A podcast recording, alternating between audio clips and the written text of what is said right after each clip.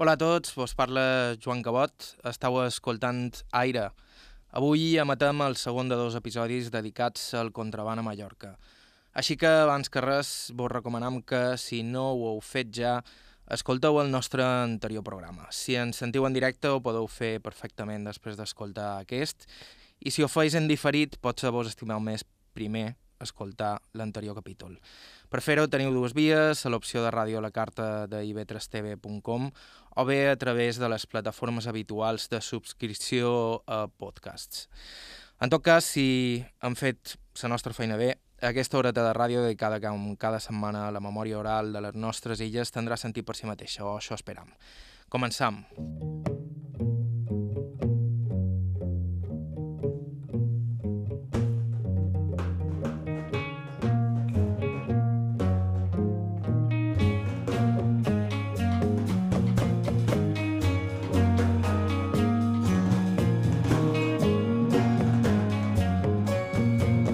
Recordeu a Tomàs Mut? N'hi ha un que està bé, anirem per aventura en aquest, perquè podràs veure... En Tomàs acaba de publicar un dels volums més més extensos i intensius que ha conservat. aparegut mai sobre el contraban a Mallorca.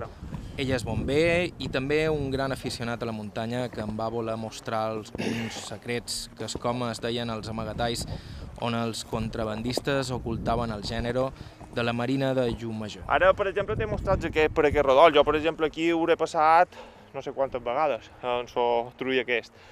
I per aventura segurament n'hauré deixats... Segurament Sí. aquí n'hi ha- n'hi haurà molt més. I no, no els hem vist. No, m'ha passat de manera circumstancial a passar per un lloc i jo què sé, en el cap de X temps haver-hi tornat a passar i haver-n'hi trobat un. I eh, quant d'anys ja has fet feina en el llibre? Val. Uh, bé, re, sí, des de que en som conscient, uh, perquè ja t'he dit, de la primera entrevista que vaig fer no me vaig plantejar fer un llibre, però bé, la primera la vaig fer l'any 2012 i, bueno, uh, però bé, el 2012 compta, és a dir, podríem dir que, que s'inici, encara que no fos de manera conscient, va ser el 2012. I tot això per afició. Per inquietud, per voler satisfer una inquietud personal i una temàtica que m'interessava i sí.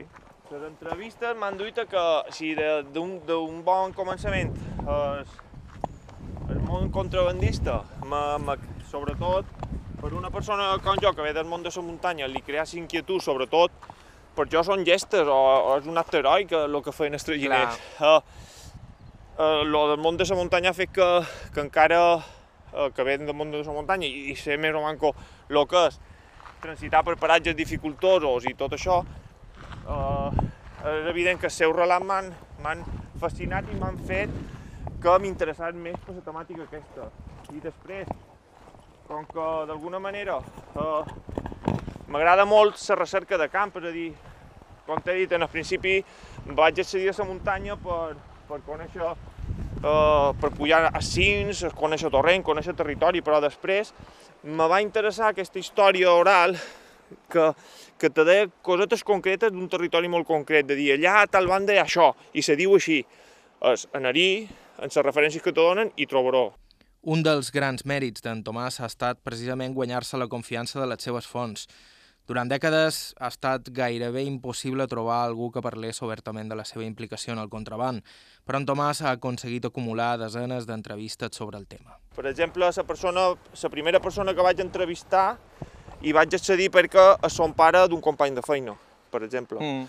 A partir d'aquí, després, el que vaig fer, se bé, se m'ha encendre la bombilla, vaig pensar, bé, una bona manera de, de poder accedir a més gent és en els diversos amics que tens repartit per Silla, que són d'un poble o d'un altre, qui millor que ells, que, que puguin fer de mediadors per poder sí, que arribar. demanin pel poble. I un poc va ser així. I, I després, clar, arriba un punt en què entre les amistats i els familiars i tot això saben que estàs fent aquesta feina, que, estàs, que t'interessa es- es- eh, aquesta temàtica i per ventura, de manera circumstancial, hi va haver en Martí, va ser que un amic me va dir Tomàs, eh, conec, un amic meu coneix tal persona que tal, t'interessaria anar? I clar que sí, clar que sí, i bé, i un poc així ha estat. En Martí és en Martí Pasqual. En Martí va ser traginer durant més d'una dècada juntament amb un dels seus germans. Es dedicaven a pujar contraband per les penyes, a les fosques, intentant fer tots els viatges que poguessin per poder cobrar més aquella nit. Fer de traginer era perillós i molt dur, així que no és estrany que els pares d'en Martí no estiguessin contents en l'activitat del seu fill. Els nostres pares ho sabien i, i no estaven gens contents. No, no volien, no volien que anàssim. El primer pic que anàrem s'hi varen imposar. Però, clar, nosaltres teníem molta de fan de dobbers. Les coses eren així. Érem joves, eh, eh, a, a casa nostra eh, hi havia molt poc dobbers, perquè en aquell temps eh, eh, els anaven escassos, no tenien dobbers, tenien fan de dobbers, no sabien com guanyar-los, perquè feien feina a la finca i nosaltres no cobràvem res. Un pare no, no mos donava cap jornal de res, no és com ara, que ha, jo sé molt de pares que els hi donen un jornal als fills i no fan feina a casa seva, només estudien. Però en aquell temps, nosaltres fèiem feina a la finca de quan el sol sortia fins que el sol se ponia, anàvem a dinar a sa, a, al migdia, estàvem dues hores aturats, però no mos donaven cap tot bé, no mos donaven res d'aquell jornal que havien fet. I per què no mos donaven? Perquè no podien. Quan jo feia feina amb el meu pare, arribàvem a casa nostra que el sol sortia i el primer de tot, quan arribàvem on anàvem a arreglar les vistes, arreglar perquè a nosaltres a, a, la finca tot ho fèiem a la mala, no teníem tractor, a la finca no en van tenir mai. Mon anàvem a arreglar les vistes, els de fregar, els hi donàvem menjar, el temps que menjàvem els de fregàvem les vistes, mon anàvem a les cases i pegàvem una mossegada, mon anàvem a les vistes, els hi posàvem la collera i els hi posàvem les eines, la collera de llaurar i tot, s'aparejo, i mon anàvem a fer feina. I fèiem feina tot el dia, no anàvem a dormir. Ja en una ocasió, a degut de fer feina en tres companyies, amb una ocasió hi vaig anar nou vespres seguits a fer feina. I quan dormíeu? No dormia. No dormia. Me dormia a segua. Tot d'una que havien dinat, jo me ja en terra. I dormia, bueno, al migdia, quan havien dinat, pues, nosaltres descansàvem una hora, una hora i mitja. Jo dormia en terra una hora, una hora i mitja, això és el que dormia. El dia que anava, el dia que anava a fer feina. No, ben que dir, com que mon pare no volia que anàssim, i nosaltres, per no donar perjudici a mon pare, procuràvem fer feina tot el dia. I procuràvem fer tanta de feina com els altres dies, no demostrar, no demostrar que tinguéssim, que tinguéssim son. En Martí no ha estat l'única persona que ens ha parlat de la seva participació en el contraband. Pedro Bonet, també de Llum Major, a qui vàrem sentir en el nostre quart programa dedicat als fars, també ens va confessar que hi havia participat de jove. Nosaltres, allà on hi havia la possessió, arribava a la mà. I hi havia el part de la senyora, que podien pujar, la pedrera blanca, perquè primer hi feien, hi feien marès i les s'enduen no sé on, i l'escorxador L'escorxador no podien pujar, podien pujar un tros, però a més era molt complicat. Però la pedrera blanca, en de dia era fotut, però en la nit, com que no volen esperit, pues, bueno. hi havia gent, pues, això van començar, que hi havia gent que venia, no, no sé si podia pujar, s'any de 60 quilos, saps, de tabac, primer només hi havia tabac, cafè i tabac. I després van endur sucre, en barra, bueno. L'assumpte és que allà passaven, i mon pare, quan jo tenia 11 anys, em va agafar el meu germà, que en tenia 7, i jo 11, em va explicar què és el que passava, que aquesta gent duien tabac, això va dir, oh, de saber, però... Bueno, no quan jo vaig tenir 17 anys, me varen cridar i me varen dir, no, no te cridam per, per traginar de ball, que és molt dur, t'han de mestre. I, i què voleu? Hi havia, la companyia tenia no sé quants socis, o sigui, eren una companyia, posaven dos bés, eh, al principi les barques, la barca grossa quedaven fora, i venia, i l'altre li feien un tubo i posaven el tubo d'escape a dins l'aigua, perquè no res nou. Bueno, aquestes companyies tenien, jo que sé, 8 o 9 o 10 socis. Dos d'ells eren els encarregats de, de, de lo que no se'n podien dur, ho havien d'amagar. I dins les mates, una mata com tot això, hi amagàvem a qualcuna 16 sac de, de cafè. Fent un forat, després, com que aquí les mates tenen molta fuaca, terra de mata, el tapàvem i paràvem una post. Bueno, me van dir, tant de què tenc que fer?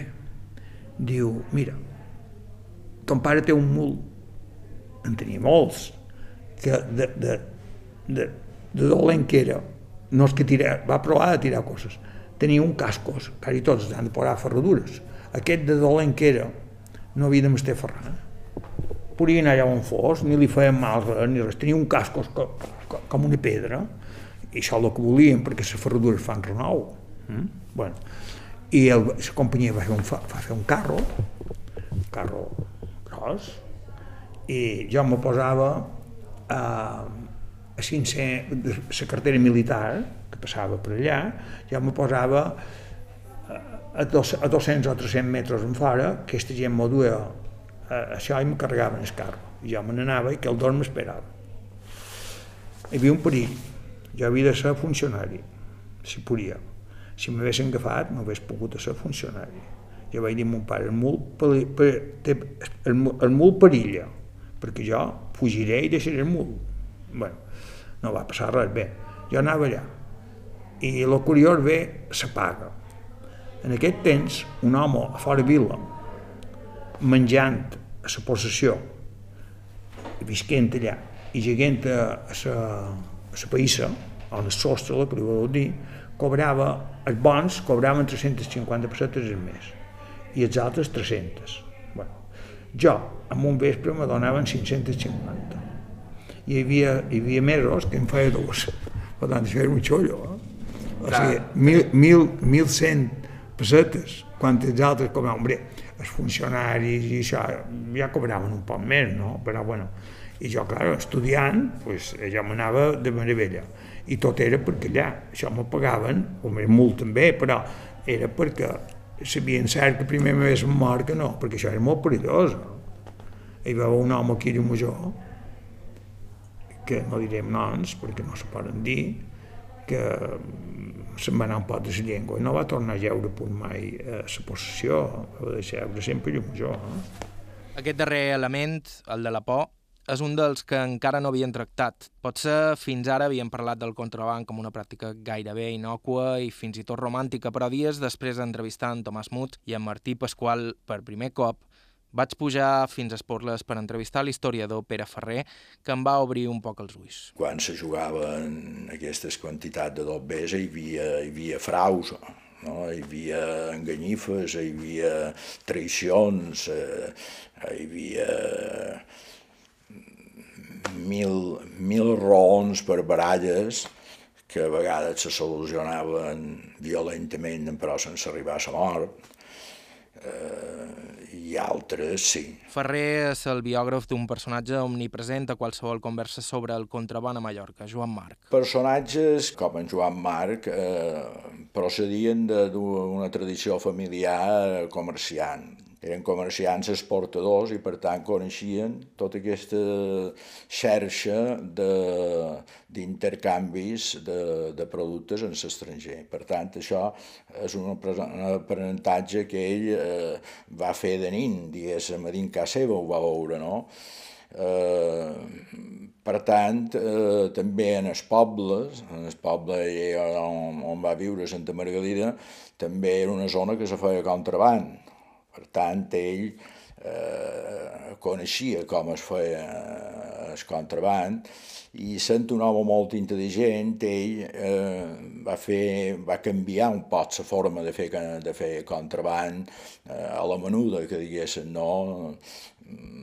La petita lleut, eh, anar a cercar fins al G, dos fardells de tabac i tal, ell va pensar es, es contraban com una indústria. Com en tots els seus negocis, Marc va saber innovar i esborrar la competència, imposar-se a tots els extrems, producció i comercialització, assegurant-se el benefici en tots els estadis del procés. Ja no havia de ser una cosa de minories, sinó una organització que tingués eh, tots els serveis, no? des de vaixells, des de la fabricació de, de, del tabac fins eh, prendre totes les mesures necessàries per subornar eh, les autoritats i els agents que podrien perjudicar eh, aquest negoci i eh, suprimir, eliminar la competència, diguéssim, no? a la qual ell, eh, d'alguna forma, el contraband ja no era com abans, de petites companyies, sinó que se transformava en una cosa globalitzada dins la Mediterrània occidental i controlada de forma monopolística per, per una persona d'una intel·ligència, d'una capacitat organitzativa extraordinari com era Joan Marc. No? En Marc eh, era una gran organització i de fet en Allende Salazar en el Senat eh, va dir, en es, quan se va dirigir en els senadors, va dir, diu, això ja no es tracta eh, d'un petit negoci, de, de, de d'històries romàntiques, no? que s'han fet novel·les i que s'han fet sarsueles, etc. Se tracta d'una organització potent que, que té el monopoli de, de, a la Mediterrània occidental, que mou milions de, de pessetes, no? i que té una influència política excepcional.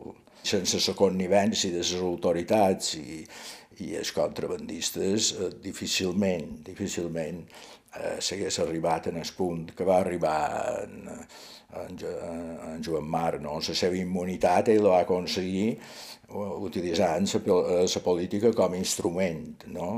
com a instrument per arribar a determinades concessions eh, estatals que, que, li varen, que li varen otorgar i sobretot aconseguir que la seva, la seva organització no patís la persecució que, que patien altres més petites. De fet, durant anys, la posició de Joan Marc en el mercat contrabandista va ser pràcticament un monopoli i la seva vinculació amb el mercat il·legal es va mantenir encara durant moltíssims anys. Durant aquest darrer període, vull dir, els seus negocis ja eren d'un abast internacional, i vull dir, eh, però aquí hi havia una companyia, que era la companyia de Savall, eh, que seguia eh, sota control de, de la casa, que ell la casa era de Can Verga, no?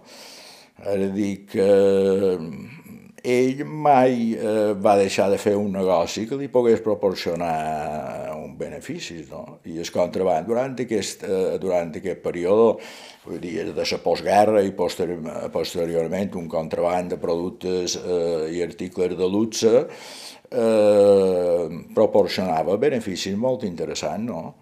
i jo crec que ell, això formava part, diguéssim, una petita part del seu imperi, eh, perquè pues, ja les seves inversions eren d'àmbit eh, internacional i a més a dins molt de camps de l'activitat econòmica, vull dir, no, no únicament eh, se tractava de, de, de contraband, però el contraband sempre deixava beneficis molt, molt alt respecte a altres negocis, eh, diguéssim, eh, legals, no? Si jo te contava la història d'en Joan Marc, estaríem vuit dies. Aquesta és Martí Pasqual de nou. Escolta, el meu predí de les fonts estava casat amb una cosina d'en Joan Marc. És una història molt ampla.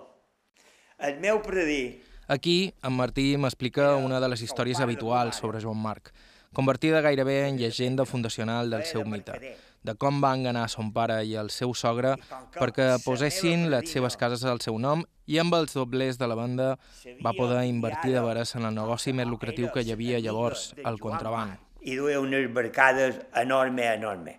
La meva predina mos va contar. Vivien a Santa Margarida, allà on se diu Espoàs, que és una lamera, que Espoàs és una lamera que té palmeres. La meva predina mos contava que en una ocasió, quan en Joan Marc ja va agafar força, ja va agafar, va agafar força, que duen car dos carros, els carimineros havien agafat, en aquell temps hi havia carimineros, no hi havia guàrdies civils. Els carimineros havien agafat els dos carros plens de, de, de contrabando, de, de cafè, i els aduien els carimineros, un duia se visti per les riendes i l'altre també, i entraren cap en els poars, en els carros, i tothom, ja han agafat en Marc, ja han agafat en Marc, ja han agafat en Marc. Perquè en aquell temps, en Marc, això era quan ja va agafar força. Com que donava feina a molta de gent, pues també tenia molt d'amics i també era molt apreciat perquè donava molta de feina a gent. Això és comptat per la meva predina. Quan varen ser enmig dels, de, dels poars, no saben d'on ni, ni de on, es vergaren un parell de tirs en els crimeros i mataven els crimeros xullà. I els carros, i els carros fugiren. Aquesta, aquesta anècdota l'em va contar la meva predina. I son pare, de la meva predina, estaven a la finca de Son Real. Estant a la finca de Son Real, son pare de la meva predina, segons mos contava la meva predina i mo mare, va fer una fortuna enorme, perquè tota la nit traginava, ja en aquell temps. I és que el contraband, lluny de ser un invent modern, potser mereix començar a ser considerat amb el turisme una de les indústries que més riquesa ha generat a les illes. En uns segons parlam de tradició, traïció, estraperlo i sí, un parell d'assassinats. La cosa s'embruta. Aire, Joan Cabot.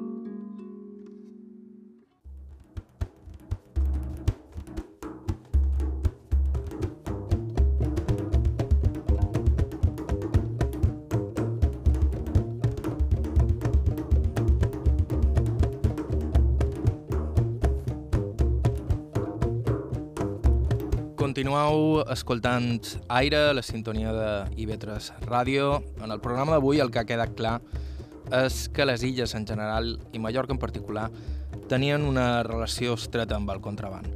D'això em vaig estar parlant precisament amb l'historiador i biògraf de Joan Marc, Pere Ferrer. Hi havia una tradició, una llarga tradició de, de, de segles enrere de, de contraband, d'esperit aventurer també, per altra banda, eh, de saber un poc eh, conèixer el món comercial, com, com funcionava, els contactes amb Àfrica del Nord, amb el sud de França, fins i tot en els Països Baixos, i per tant tot això afavoria de que quan un moment determinat determinades mercaderies no arribaven en el mercat per les qüestions que fossin o perquè les diferències de pre dels preus eren, eren molt elevats, si el contraband podia oferir aquesta mateixa mercaderia a preus eh, més a l'abast de, de, de la gent, ja tenim l'incentiu. No? Eh, hem de pensar que les illes, sobretot Mallorca, a part de, del contraband del mercat propi d'aquí, eh, vull dir, era una plataforma exportadora cap a la península, sobretot cap a Barcelona, perquè arribava tant de contraband que, que aquí no se podia consumir, eh, gènere que, que arribava. I molta de gent no sap no, aquest, eh, aquesta relació que tenien nosaltres, Nord d'Àfrica, eh, Itàlia, a Interilles i, i després cap a la península, sobretot cap a València i cap a, cap a Barcelona, vull dir que era un centre redistribuïdor a Mallorca, vull dir, tenia la seva importància perquè era més fàcil, sabeu, per, per les condicions eh, que fossin, no?, de que arribés la mer, eh, mercaderia aquí a Mallorca i després d'aquí tot, tot el sobrant se, se redistribuïa eh, Itàlia, Nord d'Àfrica eh, i Península. No? I després per una altra qüestió, que, que eren pobres, i que aleshores, vull dir, aquesta activitat eh, suposava eh, una entrada de, de, de riquesa d'alguna forma Eh, després hi havia una experiència marinera, no? hi havia gent que se dedicava a la pesca, de passar la pesca eh, a dur contraband tampoc era tan, tan difícil, érem un poble comerciant també, eh, que fins i tot pues, havíem anat a terres molt llunyanes a fer a comerciar. Eh, per tant, tot aquest intercanvi eh, comercial eh, el coneixíem, el mallorquín, no? I havia estat sempre una font, una font de riquesa i per tant el contraband eh, únicament es diferenciava d'aquest comerç en què no pagaves eh, la duana, els corresponents eh, impostos no? d'importació. I això era assumit per la societat era com si fos, diguéssim, i que havia dit abans, un, un comerç alternatiu, eh, que se'n beneficiava molta de gent, fins i tot eh, les mateixes autoritats i els agents que havien de perseguir aquest contraband també se'n beneficiaven d'aquest eh, negoci. I, i per tant eh, vull dir, no perjudicava diguéssim com ha perjudicat la droga eh, a la joventut i, i ha causat pues, estralls dins, dins la societat, el contraband eh, pues, duia tot tipus de mercaderies, el que deia jo abans, no? quan hi havia una possibilitat de, de duro de contraband, eh, gent ho veia bé perquè això els proporcionava un dot bé a guanyar i en el mateix temps posseir uns articles o productes que, que aquí no estaven en el seu abast. En tot cas, Pere Ferrer intenta desbaratar el mite que el contraband era un crim sense víctimes. Com en altres negocis al marge de la llei, amb molts dobles en joc, els contrabandistes no dubtaven en llevar algú de mig si els feia nosa. Aquí no era una Sicília sense morts, eh, com a vegades s'ha volgut eh, donar la imatge de que el contraband era una cosa inòcua i sense violència de cap casta i tots mos enteníem molt bé i eh, no, Vull dir, no era així perquè entre els agents eh, hi havia que eren rectes i que complien la seva, la seva missió i aleshores eh, perseguien el contraband i aquesta persecució doncs, a vegades generaven violència, després hi havia rivalitats entre diferents companyies i això creava també brots de, de, de, de violència, que això s'ha ocultat moltíssim. Jo he vist eh, i he llegit eh, expedients de, de contraband, eh, que hi havia hagut violència, que estan en eh, l'arxiu militar i bueno, també eh, hi va haver morts, hi va haver morts. Eh, el que passa que en un moment determinat en Berga mm, va pensar que era millor subornar que, que anar pel camí de l'enfrontament. No? Perquè en el segle XIX, per exemple, hi ha enfrontaments importants entre bandes de contrabandistes i de, de carabiners que acaben amb una batalla campal i amb molt de morts. No? Eh, això no se va viure així. I quan hi, hi va haver algun, algun mort, eh, se silenciava, se, se donava a entendre que havia estat un accident. L'altre dia me contava home, de, de font fide, fidedignes, que dues dones van anar a veure, eh, a veure un dels sicaris d'una de les companyies, van tocar a la porta al vespre, eren dues dones endolades, els va obrir aquest, eh, aquest personatge eh, que actuava de sicari, no? i va dir, que voleu, que voleu? I ell va dir, no, res, res, res, i, i se'n van anar aviat pel, que, pel carrer, les fosques, i quan varen ser unes passes en fora, varen dir es que veníem a veure qui havia mort eh, nostres homes, no?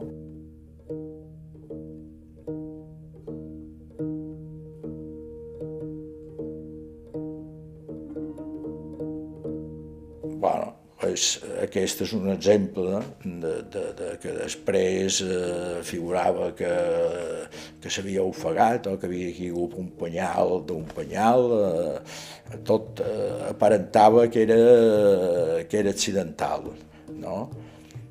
però també l'any 33 o 34 eh, també els carabiners eh, varen assassinat dos, dos contrabandistes que eren rivals d'una altra, altra companyia, se va fer un judici, se va, se va publicar després un petit manuscrit damunt tot, es, tot aquest procés, ara dic que violència eh, n'hi va haver, eh, perquè amb, amb aquest tipus de, de negoci eh, eh, sempre hi sol haver diferències que se resolen eh, violentament. El que passa que Mallorca, eh, vull dir, igual que se diu la Costa de la Calma, vull dir, és una Sicília que hi ha rivalitats i tal, però la violència està descartada. No és així. No és així.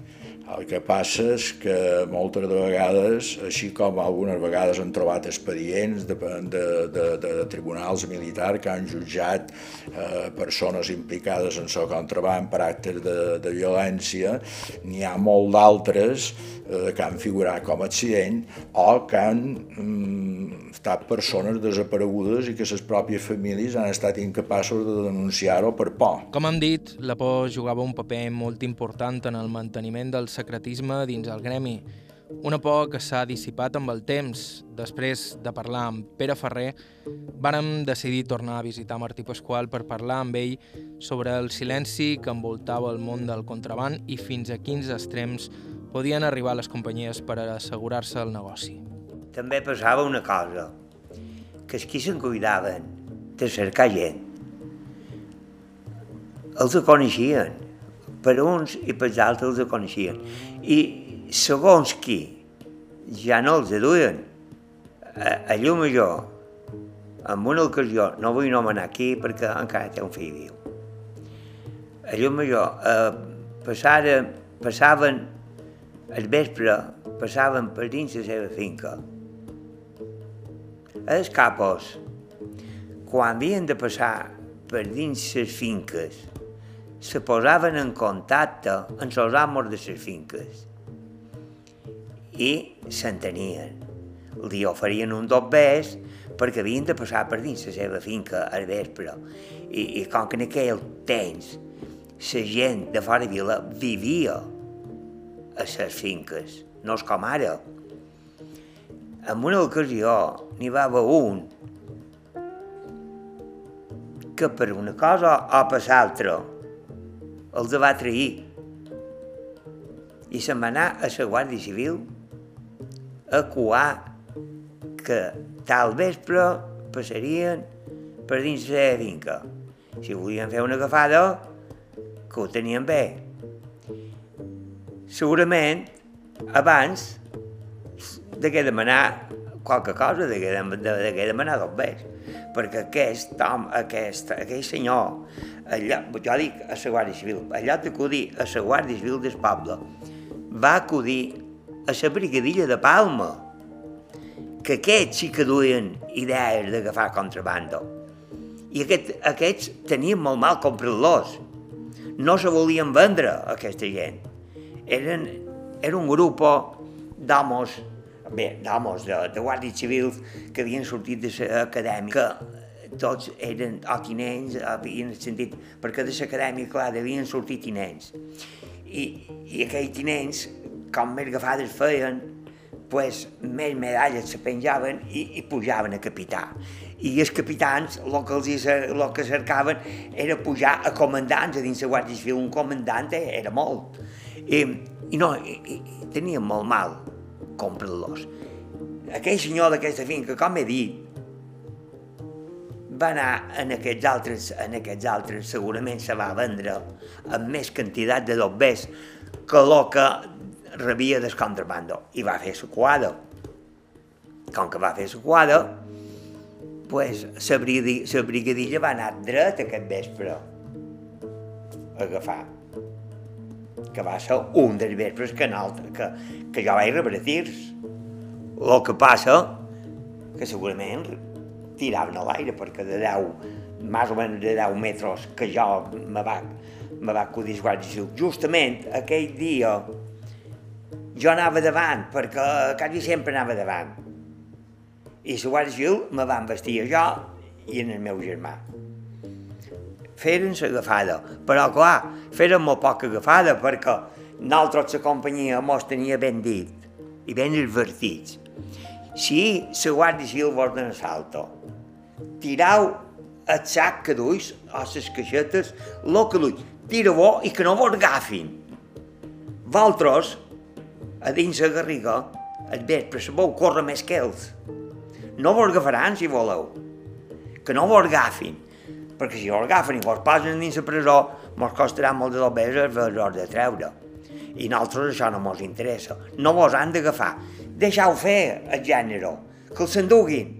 Però a voltes no vos han d'agafar. Sempre mos deia el mateix. pues, aquell senyor que va fer aquesta coada, va fer la coada, vale. Els contrabandistes no eren per ells. Tenien els seus contactes, tenien els seus espies. A través dels seus espies van arribar a saber qui era que havia fet la coada. Aquell senyor d'aquesta finca no saben com ni com no, un vespre, perquè el devien, segurament el devien ballar, i clar, una persona que fa feina fora de vila, un moment o l'altre està tot sol, si, si te ballen. Segurament, dic jo, que el degueren ballar, el agafaren, el formaren en un pi i li donaren una passada de calça d'arena.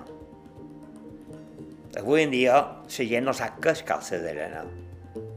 La calça d'arena era un talec que agafaven com una sobrassada de gruixat, més o menys, i llarg, que tenia de més, més o menys de més un metre, i l'omplien d'arena.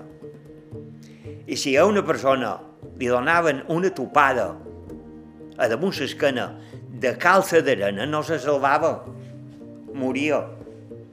I llavors era una mort rabiosa, perquè els cots, segons deien, entraven a de dins i se cangrenaven, i en aquell temps no hi havia qui els curar. Tot més ben que dir que aquell senyor, que jo ara tapal, que no vull nomenar qui és, perquè té, té un fill viu, i el fill no en té cap culpa ni una, perquè el fill no va intervenir per res.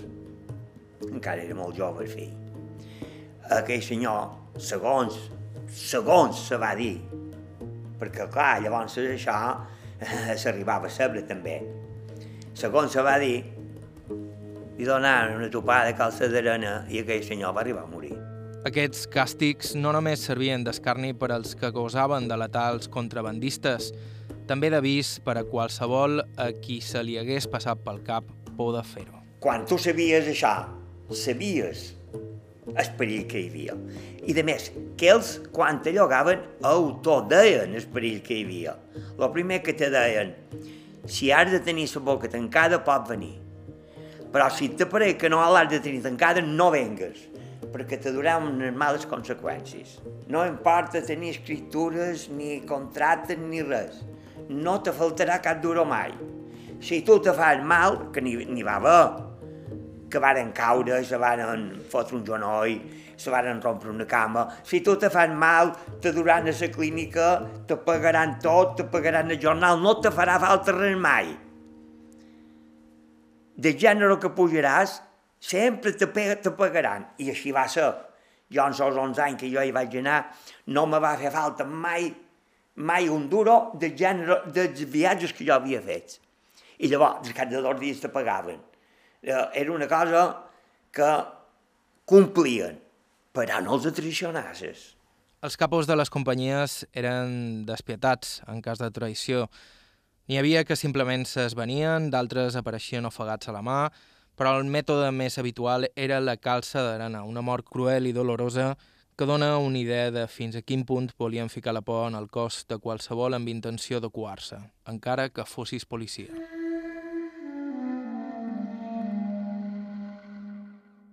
i passava per aquesta finca i no hi vivien. Però, segons la gent deia que el fill de l'amo era policia nacional, però se posaren mai en contacte amb ell. I, i sabeu que se va donar compte se va donar compte de que un, un, passaven per allà, per dins casa seva. I ell se, degué, se va fer il·lusions i digué dir, jo si fes una agafada contra meu, això m'aniria molt bé. També un vespre, es, aquest individu, que era policia nacional, molt va sortir i clar, i amb la pistola va pegar quatre tirs a l'aire i també va agafar, me que eren o set o vuit. Nosaltres li deien bultos, el gènere que duem, era cafè, aquest vespre. I, i va agafar set o vuit, set, set o vuit sac de cafè. Com que quan te donaven salt, mollava el, el gènere, com t'he dit, i arrencaves per dins la garriga i no miraves prim jo, el primer pic que me donaren tirs, i vaig deixar tota la roba per dins els juestres i les mates. Aquest home va agafar set o vuit sats. I, i com que tothom va fugir, el segué dur cap a casa seva. Però, clar, els, els, els, els encarregats i, i els amos de, que, que duien el, el contrabando pues el degueren ballar i degueren ballar a veure que, per, perquè moltes vegades si eren, si eren la Guàrdia Civil que, venia, que no estava comprada, ells intentaven arreglar-se. Inclús eh, en sos, en sos de Palma, en la brigadilla, qualque agafada que feien, intentaven arreglar-se i no se podien arreglar de cap manera i res. Bueno, en aquest se donaren compte per una banda o per l'altra que havia actuat tot sol. Per seu compte, se posaren en contacte amb sos a dins la Guàrdia Civil. La Guàrdia Civil tenia contacte dins la policia i, i varen arribar a saber, varen arribar a saber que era es, es, es, es policia nacional, que era el fill de l'amo d'aquesta finca. Què li va passar? Que també un vespre li feien el mateix. Un dia el, el i el ballaren i Pentura van estar mig any. I van fer el mateix li donaren una topada de calça d'arena i, i en mitjà va morir. Només ben que dir que amb això no s'ho podia anar, no, no s'hi podia jugar.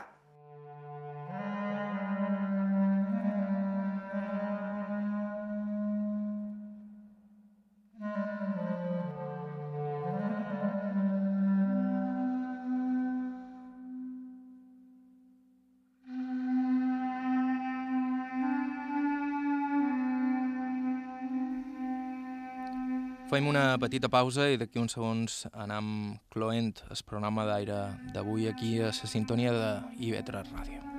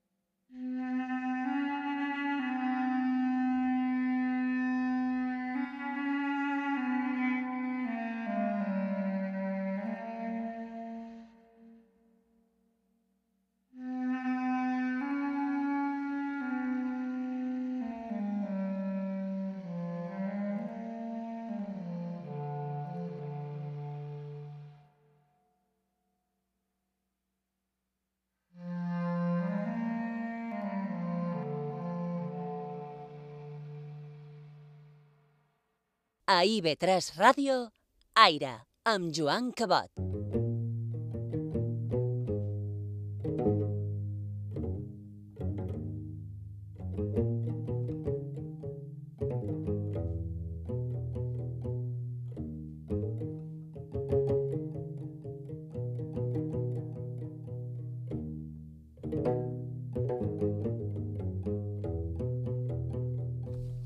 Com acabam de veure, el món del contraband no era només una excitant aventura il·legal i podia ser realment perillós, tèrbol i violent. Va ser precisament això, entre d'altres raons, el que va fer que Martí Pasqual, el protagonista d'aquests dos darrers episodis d'Aire, decidís retirar-se i deixar de traginar. Jo, per molt que m'haguessin pagat, per molt que m'haguessin pagat, jo això mai ho haguera fet. Mai. Jo anava a fer feina que me pagaven per viatge que feia, era de traginer, de traginava. I me pensava que allò era una feina, en aquell moment era una feina honrada. I aquestes coses que t'he dit, ja va ser a lo darrer que jo anava de, de, de traginer. Aquestes, co aquestes coses ja me va passar a lo darrer que anava de traginer. I ja vaig començar a fer pensaments de deixar-ho. Això volia deixar-ho, això és molt delicat, mira, mira aquests, aquests, aquesta gent que els hi ha passat, eh, ja feia pensament de deixar-ho. Ja me vaig retirar el 66. Jo me vaig casar el 65. I jo festejava la meva dona i no li vaig dir mai, quatre anys la vaig festejar, no li vaig dir mai que anés d'això. Quan me vaig casar, li vaig haver de dir. Primer vespre que me varen avisar, vaig dir, Margalida, jo faig aquesta feina. Avui, avui m'han cridat i jo faig aquesta feina i me n'hauré d'anar perquè fos que a la dona li vaig haver de dir. Si no, què he dir tu, al vespre on te'n vas? I, bueno, i jo me vaig, quan, quan me vaig casar, me, a, a través, bueno, a través d'aquest contrabando, jo vaig poder comprar un tractor, que era un Ebro, que me dedicava a llaurar per la gent que me llogava. I vaig arribar que tenia molta de feina. Molta de feina tenia. Jo feia feina en la nit i llavors feia feina al tractor. A damunt del tractor me dormia. Ui, ho passava molt malament. A damunt del tractor, i ho passava molt malament. Uh, una vegada, una vegada cosechava, cosechava en la cosechadora i, i, varen, i, i, i en el cementer que voltàvem així, varen fer una trinxa per mi del cementer, un cementer gran, que allà se va veure dos dies, perquè anava dormit. Bé, jo me dormia damunt el tractor, i ja ho veurem, ja ho veurem. Un dia vaig girar el tractor. Vaig pegar una paret i, i vaig trabucar el tractor. Vaig tenir el tractor espanyat, una setmana el tractor aturat, i aquí vaig dir, eh, o he de fer feina de contrabando, o, o he de lliurar. Les vicissituds del contraban a Mallorca havien sigut una closca tancada fins fa ben poc. Testimonis com el d'en Martí Pasqual suposen una revelació impensable fins fa pocs anys. Ja han parlat aquí de l'increïble treball que ha fet Tomàs Mut al seu llibre Lots, avui hi ha festes, secrets i confidències desconegudes del contraban a Mallorca 1930-1990. El cas és que potser hagi arribat el moment d'incloure els nostres llibres d'història una part del nostre passat no tan llunyà que va ocasionar que quan va arribar el turisme alguns tinguessin gran quantitat de doblers perquè fos més fàcil aixecar hotels o invertir en altres infraestructures.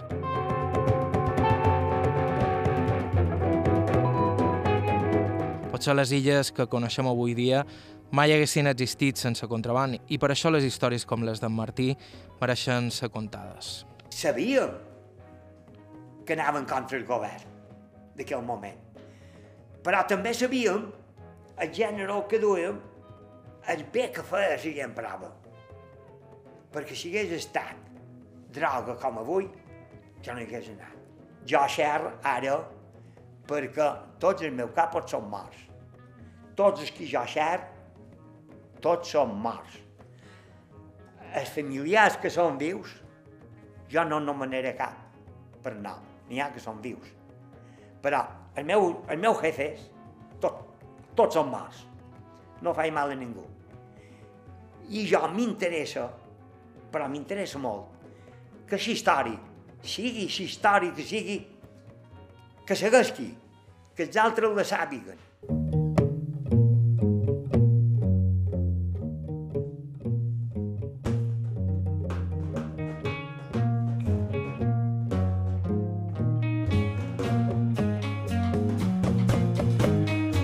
Música d'avui l'ha posada Joshua Abrams, gràcies a Martí Pasqual, Pedro Bonet, Tomàs Mut i Pere Ferrer per les seves històries.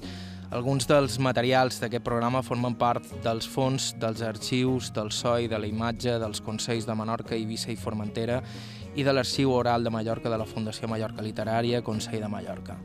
Ens podeu seguir a Facebook, Aire IB3, a Instagram, aire barra baixa IB3 i també ens podeu contactar a aire arroba ib3radio.com. Alberto Guillén a la producció tècnica, vos ha parlat Joan Cabot, fins la setmana que ve.